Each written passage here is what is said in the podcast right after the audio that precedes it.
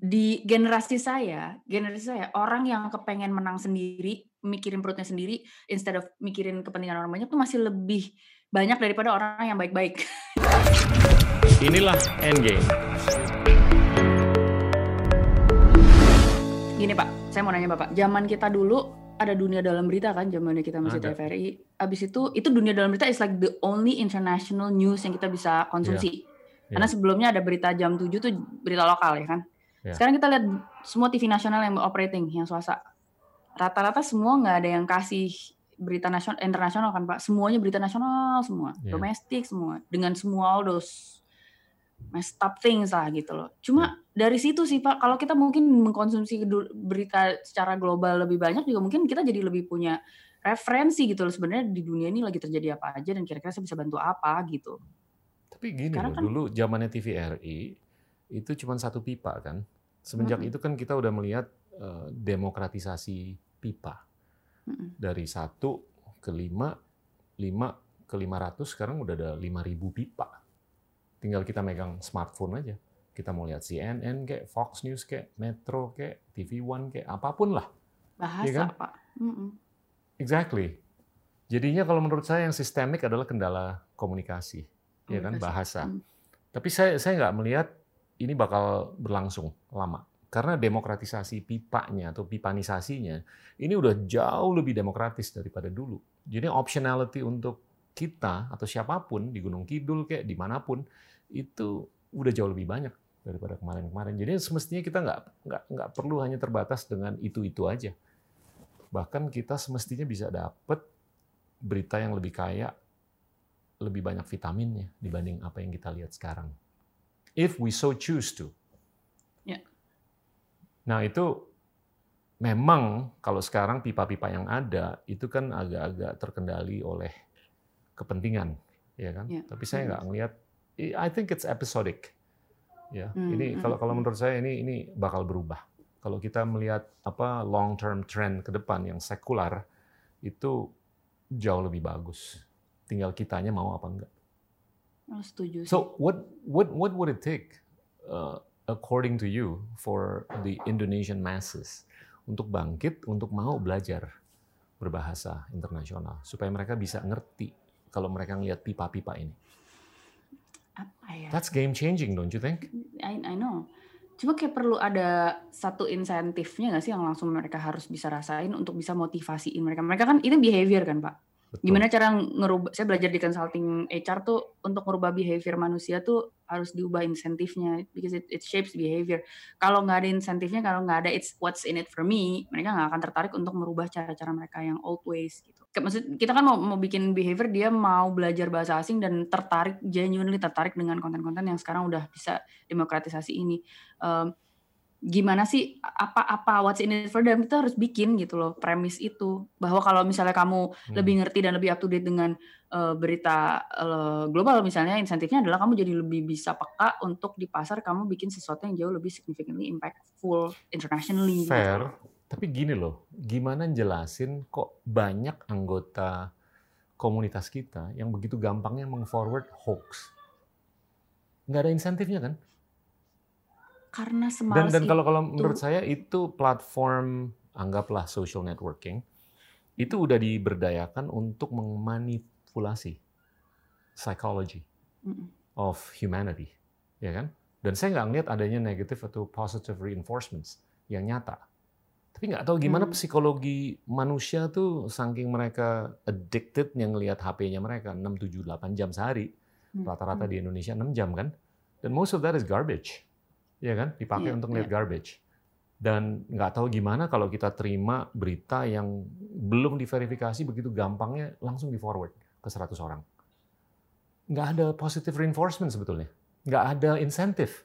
nggak ada jadi mereka tuh kayak tahu how ill informed they are segitu nggak tahu banyaknya mereka segitu nggak update sama berita yang beneran sehingga giliran dapat something something di depan mata oh and it's catchy and it's very interesting wah boom boom boom boom. Just to make an justification bahwa I'm somebody who is well informed gitu loh.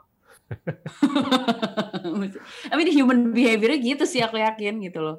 Because they trying to compensate try to menutupi the, the very fact bahwa mereka sangat sangat nggak pernah baca berita dengan sangat nggak aware tentang apa. Jadi giliran yang ada yang gitu yang catchy catchy gitu jahat gitu langsung kirim. Tapi it, it goes back to your earlier point. Kalau kita mau mengubah perilaku atau sifat kita harus ada insentifnya.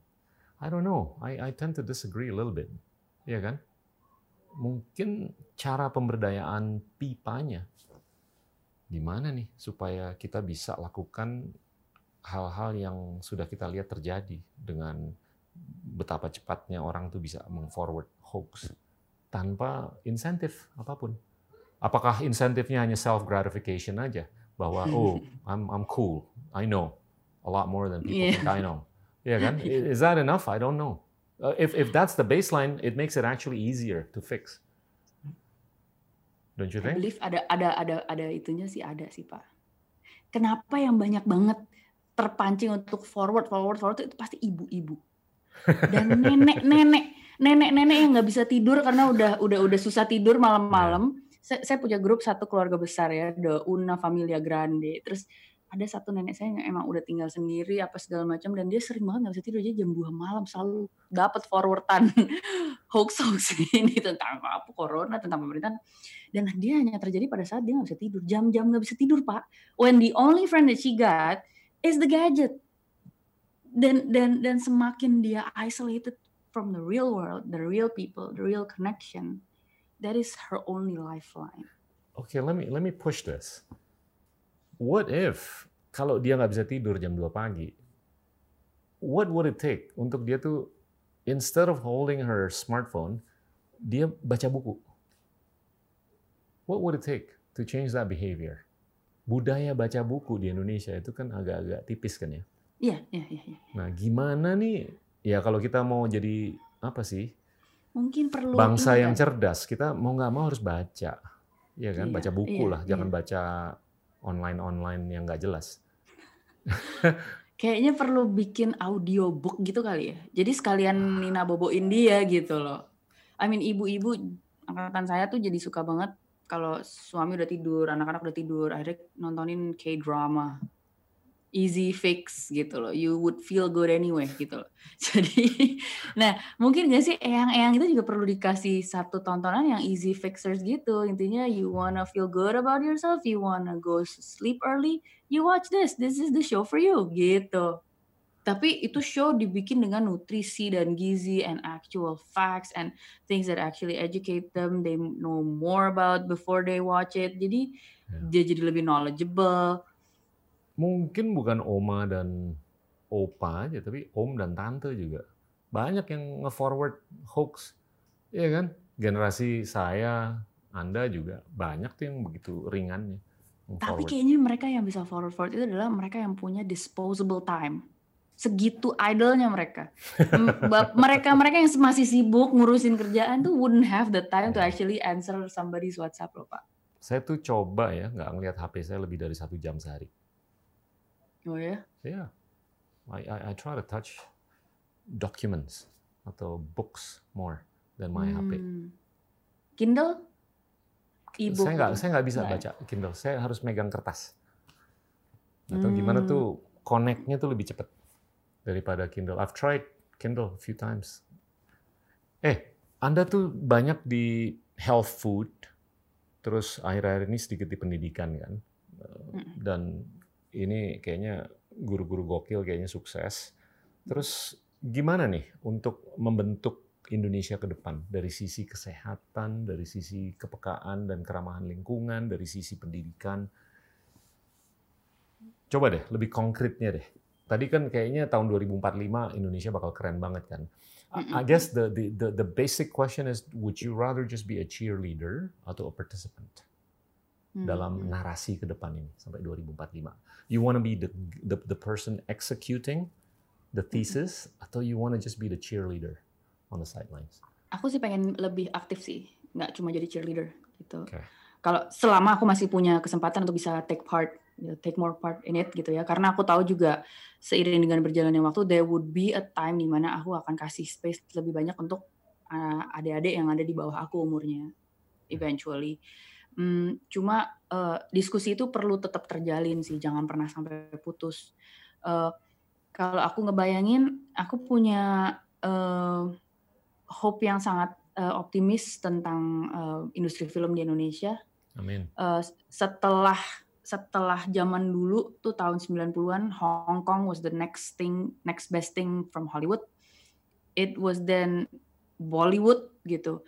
Abis itu nowadays it's South Korea. After Parasite won the Oscars last year, yeah. orang Korea naik gitu loh pride-nya the self identity about being South Korean tuh langsung naik sekian persen how proud they are bahwa mereka are good filmmakers gitu loh. Hmm. Cool films is being produced in Korea. Now Hollywood filmmakers, Hollywood directors kayak Scorsese itu kayak punya list of Korean must watch films for aspiring directors gitu loh. Hmm. Imagine that one day those list of must watch films itu ada Indonesian must watch wow. films for Hollywood aspiring directors gitu. Jadi imagine hmm. Joko Anwar and his generation ke bawah gitu. Angga. Uh, Angga uh, and Amin and and the Mo Brothers and everybody else tuh semua jadi mereka bikin satu standar baru tentang kualitas film Indonesia itu seperti apa. Mereka memberikan definisi baru tentang apa sih artinya film yang dibuat dari Indonesia itu apa. A new voice, a new spirit, a new style tapi nggak juga style over substance gitu. It should yeah. not only about style. We should really have a pure voice. What is this? What is it? The message yang kita lagi mau coba sampaikan tuh apa? Substance-nya tuh apa? Kadang-kadang tuh kita compete sama style, kita compete sama teknologi, tapi kita missing that substance gitu. Substance-nya juga masih something very strong uh, kemarin tuh Bong Joon Ho bikin Parasite substance-nya tuh tentang perbedaan kelas. Iya. And it's relatable. Hmm. Yeah, it's Gila. relatable di semua negara gitu dan simple banget tapi meaningful simple. banget. Very universal. Nah, kita tuh apa banyak banget lagi di Indonesia perbedaan kelas ada uh, krisis gender ada krisis uh, banyak banget krisis di Indonesia yang bisa kita angkat. Cuma bisa nggak sih kita bikin jadi stories that travel, stories yang bisa relatable globally, nggak cuma Indonesian aja gitu. Uh, di situlah kayaknya aku ngerasa kayaknya daripada aku berkoar-koar kita harus begini harus begini, aku sendiri akhirnya take part in belajar sih pak. That's why hmm. this PSBB saya ngambil yeah. kesempatan ini untuk ngambil kelas online. I'm educating myself into becoming a script script script writer and eventually kayaknya abis ini saya mau belajar juga directing. Uh, jadi uh, producing writing and directing tuh kayaknya tuh satu role yang akan selalu ganti-ganti topi terus-terusan gitu. Uh, dan in order to collaborate sama teman-teman filmmaker yang lain tuh harus ngerti mereka ngerjainnya gimana supaya saya bisa bantunya di sini kayak gitu-gitu. Jadi mudah-mudahan dengan uh, ini semua saya take part in the process. Mudah-mudahan ini juga bisa inspire adik-adik yang lebih muda daripada saya bahwa hey look at me, I'm a mom of two, I'm nearly 40, but that doesn't stop me from sekolah lagi, belajar lagi, even online gitu. And Talk about nothing... that. You're, you're, you're taking a class, right? Dari yeah. Amerika. Hmm. Lagi and, ya, dan aku aku jadi sekarang tiap hari Rabu jam 7 pagi. Mereka jam 5 sore, oh. Pak. Berapa dan, berapa jam kelasnya? Sejam, sejam setengah. Tapi ada satu assignment. Dan sebenarnya nih pandemi gini ya, it's a blessing in disguise sih. Hampir semua program, prestigious program kayak Ivy Leagues bikin online Banyak. program semuanya. Hmm. Ke Coursera then, aja, banyak kan kelas-kelasnya.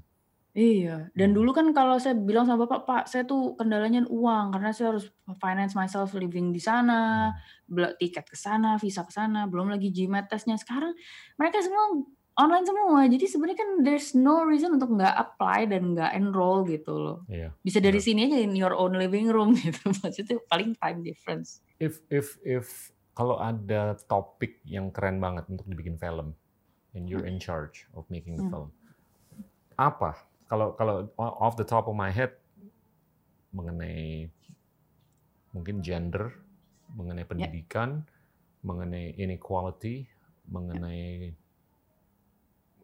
environment, mengenai yeah. kesehatan, atau action aja. Which one would you pick? I would definitely pick uh, gender. Okay. And uh, pendidikan kemarin saya bahas di guru-guru mm -hmm. Google, and I'm going to revisit that topic again and rediscuss yeah. it again in sequels maybe. Uh, inequality and and the Itu agak-agak to scary loh inequality. Agak scary. Cuma ada ini, uh, saya tertarik sama pendidikan. Pendidikan kayak kayak film kayak Laskar Pelangi gitu loh. Film yang hmm. inspiring people to actually go ahead to mencari beasiswa gitu loh seperti seorang Yeah. Andrea Hirata gitu loh. If it's possible for freaking Andrea Hirata anak dari Bangka, berarti it's possible juga for me gitu loh yang kayak gitu. So how, do you see yourself in the next five years? Making what? Two movies a year? I'm educating myself to be a movies a director. Okay. Maybe one movie a year tapi yang Oke. benar-benar pakai heart and soul. Okay. Eh, saya pengen belajar jadi director, saya pengen ke Angga. Hmm. Kudos to Angga, tell my friend. Eh, ya jadi memang proses belajar tuh harus bareng-bareng dan saya lagi semangat banget sih mau belajar nulis sama direct. Jadi nggak harus selalu saya yang main. It's not about me. It's not about only popularity or fame. Walaupun saya juga masih terima order menjadi pemain ya Pak ya. tapi tapi Order aku pasti nggak habis-habis lah. Banyak banget. Mudah-mudahan Pak. Tapi saya pengen ada voice saya yang keluar dan reflected and being communicated through my work. Wow. Oke. Kalau kita ngelihat ke belakang sejarah Indonesia selama 2000 tahun terakhir. Which moment would you pick untuk kepentingan kita menciptakan masa depan yang keren? Untuk dijadiin latar belakang film gitu Pak. Apa pun. Jadinya gini loh, yang gampangnya kan kalau kita ngelihat masa kejayaan Sriwijaya, masa kejayaan Majapahit, Hmm. ya kan? Terus waktu kemerdekaan dan sampai sekarang, masa sih kita nggak bisa ngelirik ke belakang untuk bisa membuat future yang lebih keren? I mean, don't you think it's kind of cool to repeat the the the wisdom and the greatness, if not I perfect banget. it even more? Asli, I am genuinely very fascinated tentang zaman era eh, Majapahit dan Sriwijaya. Oke. Zamannya kita sama negara-negara tetangga tuh disegenin gitu loh, gitu Ya. loh. No kidding gitu loh. Dia orang Majapahit loh gitu loh. Kita tuh Hmm. maju lebih maju daripada neighboring countries, bahkan neighboring countries tuh ngasih-ngasih upeti. Anaknya lah disuruh kawin sama Raja Majapahit jadi selir yang keberapa gitu, yang kayak Ya. gitu-gitu. Jadi eh, look at how neighboring country di Asia tuh sekarang agak agak look down to us gitu loh. Karena kita agak terbelakang dalam berbagai sektor. Cuma kalau if we can remember that pride, remember that idea, this is who we are, this is our identity. Hmm. Kita nggak perlu adopsi definisi atau identitas lain yang dibikinin bangsa lain terhadap kita. Kita Hmm. ingat sendiri siapa diri kita. Then you remember how actually you're cool, you're actually smarter than you think, you're actually kinder than you think, you're actually so much better than you think gitu loh. Hmm. Itu sih gitu loh konsepnya. Jadi kalau kita bisa bangkitin itu, mudah-mudahan masa di mana Indonesia tuh berjaya di saat ingat nggak sih zaman dulu kan kita ngobrolin the McKinsey report tuh Pak yang in Yep. 2050 in 2030 2000, 2050 Indonesia would be like the biggest uh, the five the fifth or the fourth biggest The fourth. economy after Brazil ya fourth after Yeah. China and Brazil ya nggak. China, India, Amerika, terus kita. Kita lebih gede daripada Brazil. I know itu kan ukurannya sebagai besaran ekonomi sebagai pasar sebagai Hmm. konsumen kan because kita populatedly uh, demographically kan beruntung banget gitu Hmm. cuma sebagai produsen kapan gitu loh kita kita jualannya apa gitu loh kalau memang kita nggak excel in real sector jangan-jangan don't you think like the government should actually see invest on creative industry Iya. film and jualannya soft power dulu. Iya. the moment kita sukses jualan the idea of Indonesian people kalau lagi mau liburan datangnya mana datangnya ke Indonesia. Iya. people kalau mau makan makannya apa? Makannya sate. Sekarang karena saya nontonnya tuh Korean drama pak tiap jam 12 malam saya saya ngidam ramyun pak. Dan itu imagine berapa stok ramyun yang saya punya di rumah.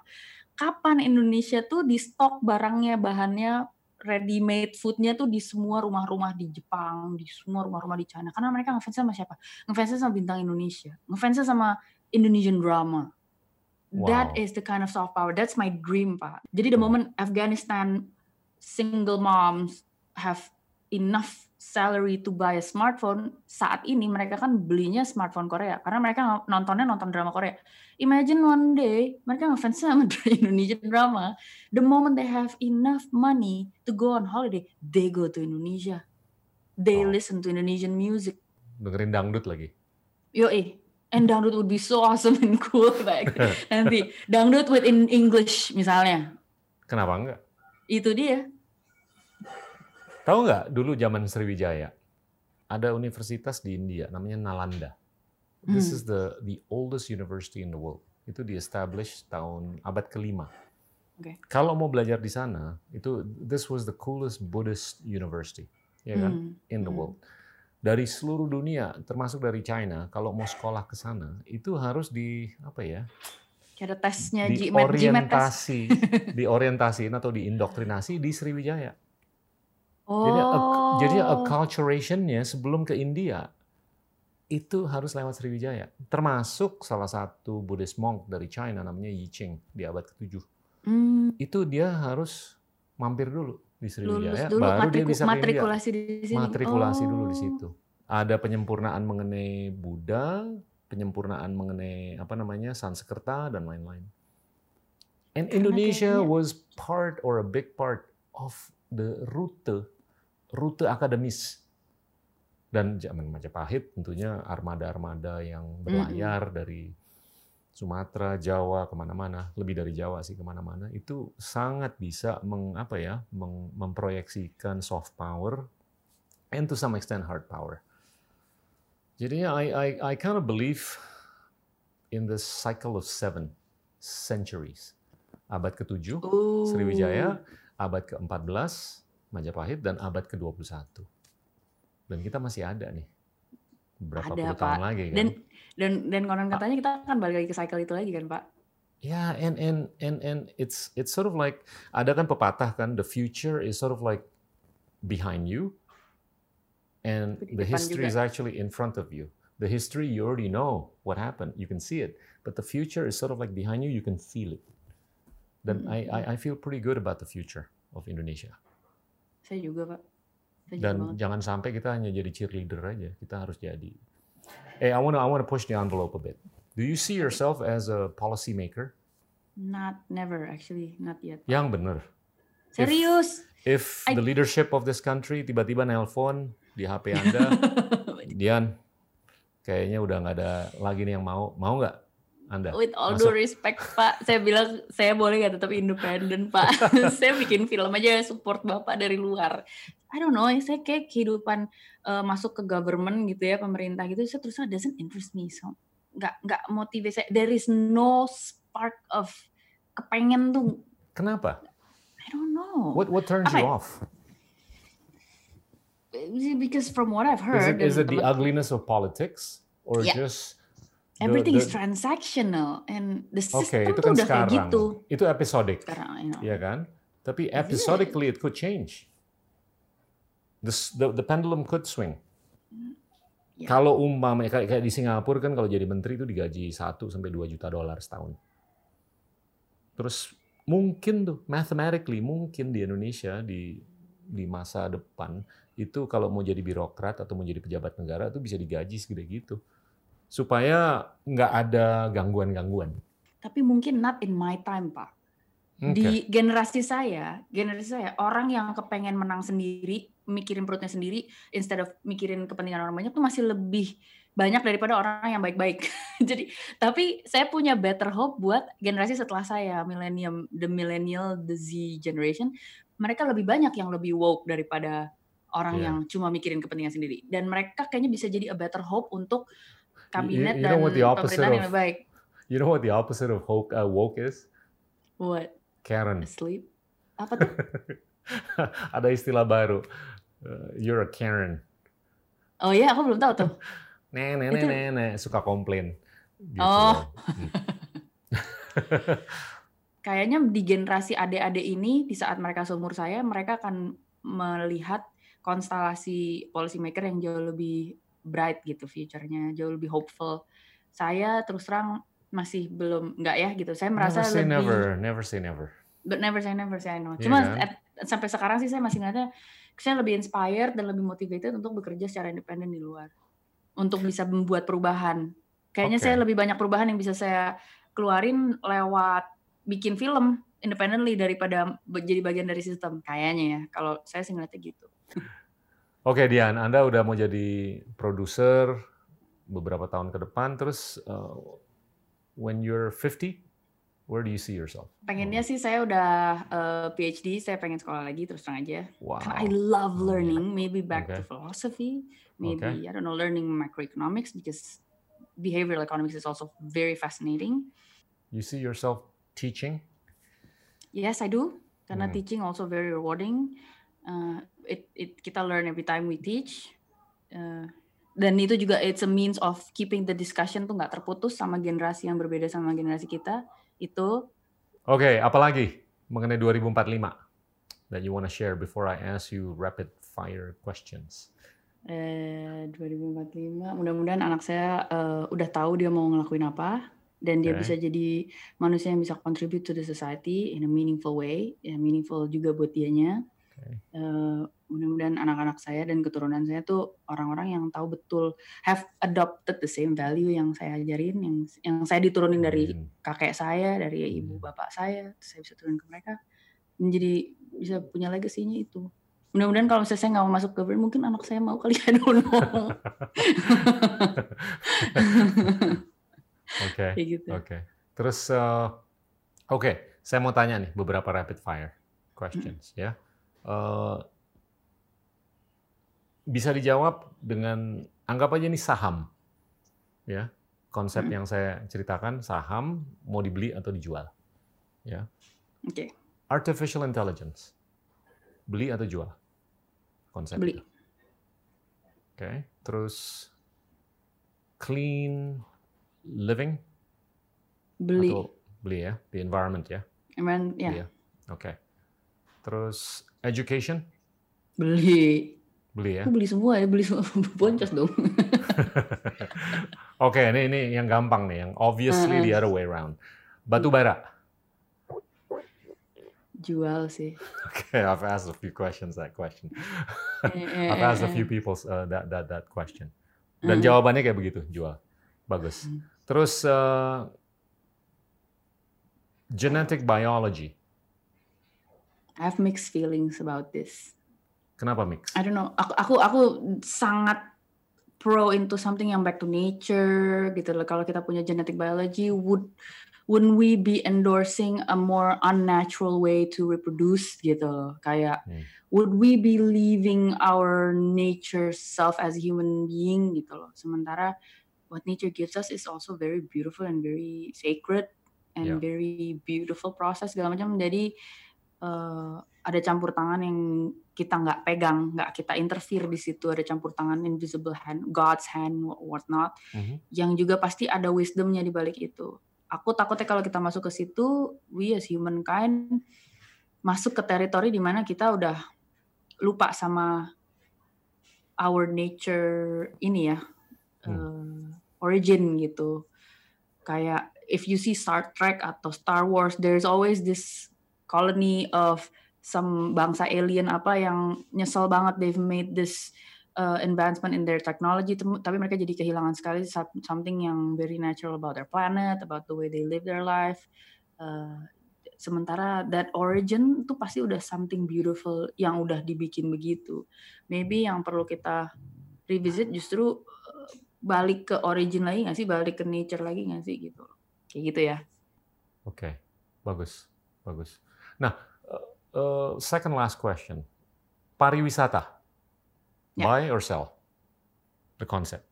Untuk mempromosikan Indonesia dengan pariwisata. Buy. Oke. Okay. Totally agree.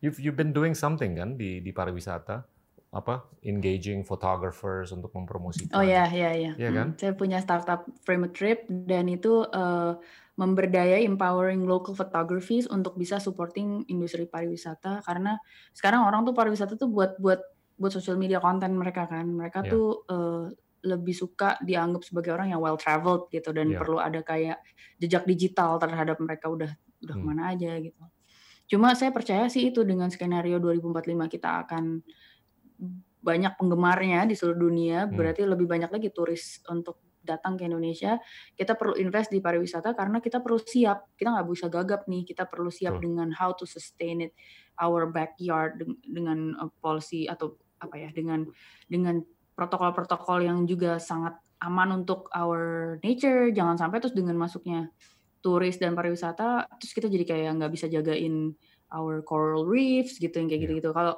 kalau Thailand sama Filipina kan ada kayak bulan-bulan di mana ditutup banget gitu yeah. uh, Palawan apa mana gitu. Ada kayak ada off limits ini bulan. Dan akhirnya dengan itu coral reef sempat sempat recover gitu loh naturally. Dan itu perlu ada tuh yang kayak gitu-gitu. Jadi uh, yes invest tapi kita harus benar-benar peka terhadap menjaga ini juga supaya sustainable. Soalnya kalau enggak ya mm, kita exploiting our own land juga betul. our own nature. Itu kita tahun lalu kan nerima kalau nggak salah 13 sampai 14 juta wisatawan internasional Hmm. Saya ngelihat justru dalam 10-20 tahun ke depan tuh nggak ada alasan Indonesia bisa menerima 150 juta wisatawan hmm. internasional by way of two things. Connectivity yang dibangun, sudah dibangun hmm. dan akan terus dibangun, dan hmm. tentunya upaya kita untuk meningkatkan soft power. Ya kan? Soft power. We, we, we don't lack in the number of islands. Ya kan? Yeah. Kalau kalau Singapura aja bisa narik 23 juta, Malaysia 25 juta, Thailand 35 sampai 40 juta. Kok kita cuma 13 14 juta aja? Iya. Karena kesiapan dan kegagapannya itu sih, Pak. Iya. Saya percaya sama infrastruktur tuh Bapak juga bilang tuh connectivity. Saya percaya kalau misalnya kita bisa rapiin secara infrastruktur, jadi perkembangan dan pertumbuhan di di di daerah-daerah lain tuh bisa kita upgrade gitu. Hmm. Saya rasa kita jadi memitigasi kegagapan itu dari penduduk setempat untuk bisa menerima wisatawan, bisa berbahasa asing, bisa ya. ngerti what's the best practice of tourism being done in a global standard, itu bisa diimplementasikan secara norm lokal dan kayaknya kita perlu mengedukasi even the local heroes-nya kan masing-masing negara daerah kan ada kayak local orang tingginya tuh either oh. like very successful businessman-nya atau yeah. dia yang harus take part in that uh, growth gitu loh secara pariwisata. Hmm. Saya kalau dia nggak sponsorin itu, uh, dia jadi nggak jadi bagian dari dari dari pertumbuhan secara sektor pariwisata itu sih pak. Yeah. Dan dan tourism itu adalah sektor yang paling gampang membuahkan lapangan kerja. Itu yeah. kalau kalau di studi-studi kan untuk mengcreate satu job, apakah sebagai barista, tour guide, receptionist, -hmm. apa pun lah itu rata-rata cuma 3.000 sampai 3.500 dolar per job. Tapi kalau di manufacturing itu 150 sampai 200 ribu dolar. So hmm. it's it is a low hanging fruit untuk Indonesia untuk mendapatkan cadangan atau devisa asing. Iya yeah, kan? So yeah. it's it's it's something that I think you're incredibly, you know, uh, adding a lot of value in. Iya. Yeah. Go ahead. Banyak banget lagi daerah-daerah yang kayaknya sebenarnya bagus secara alam, tapi dia nggak dikelola dan dibangun sebagai pusat turistik. Saya waktu itu pernah main jadi Kartini, Pak. Terus hmm. habis itu saya datang ke Jepara. Eh, Jepara kan kota dia yep. ba, uh, ini. Terus habis itu dia dikawinin sama Bupati Rembang kan. Saya ke hmm. Rembangnya, hmm. Pak. Rembang itu pantai utara Jawa, Pak. Itu pasirnya putih banget. Sebenarnya ada gitu potensinya. Cuma kan perlu di dibangun gitu loh. Um, kayak gitu sih. Jadi environmentalnya kotanya juga perlu siap gitu nerima wisatawan asing, perlu siap masakin masakan yang ada hmm. nasi goreng, tapi kalau bisa juga ada spaghetti bolognese doang buat bule-bule yang baru datang dan belum terbiasa sama rasa terasi gitu misalnya gitu. Jadi yang lebih mild. Hey, last but not least. Antara sekarang sampai tahun 2045, how many more women presidents will Indonesia witness? Or have the honor of? Hopefully more than two. Amin. Itu berapa berapa uh, administration ya berarti ya cycle, kalau dari sekarang? lima lima cycle. Lima lima cycle. Oh. Mm -hmm. I think that's a good number. Two, at least two. number, yeah. Hmm. I would yeah, vote for you.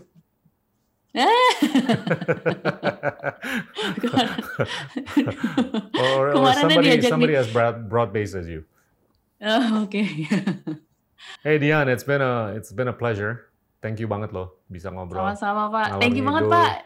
Ngobrol-ngobrol ngalur ngidul lagi dong Pak nih tentang boleh, boleh, boleh. tentang global geopolitik gitu saya pengen ini deh, update deh. Udah lama boleh. banget terakhir kali saya belajar makroekonomi tuh zamannya Pak Dede tuh uh, Khotib Basri masih ini main KU terus saya kayak dapat one on one makro and it's really enjoyable karena it's there's a story about it kan it's, iya. it's, it's a long story and it's it's really interesting gitu imagine we can educate about that through film Top. Gak gampang, tapi if you can do that, no. fantastic.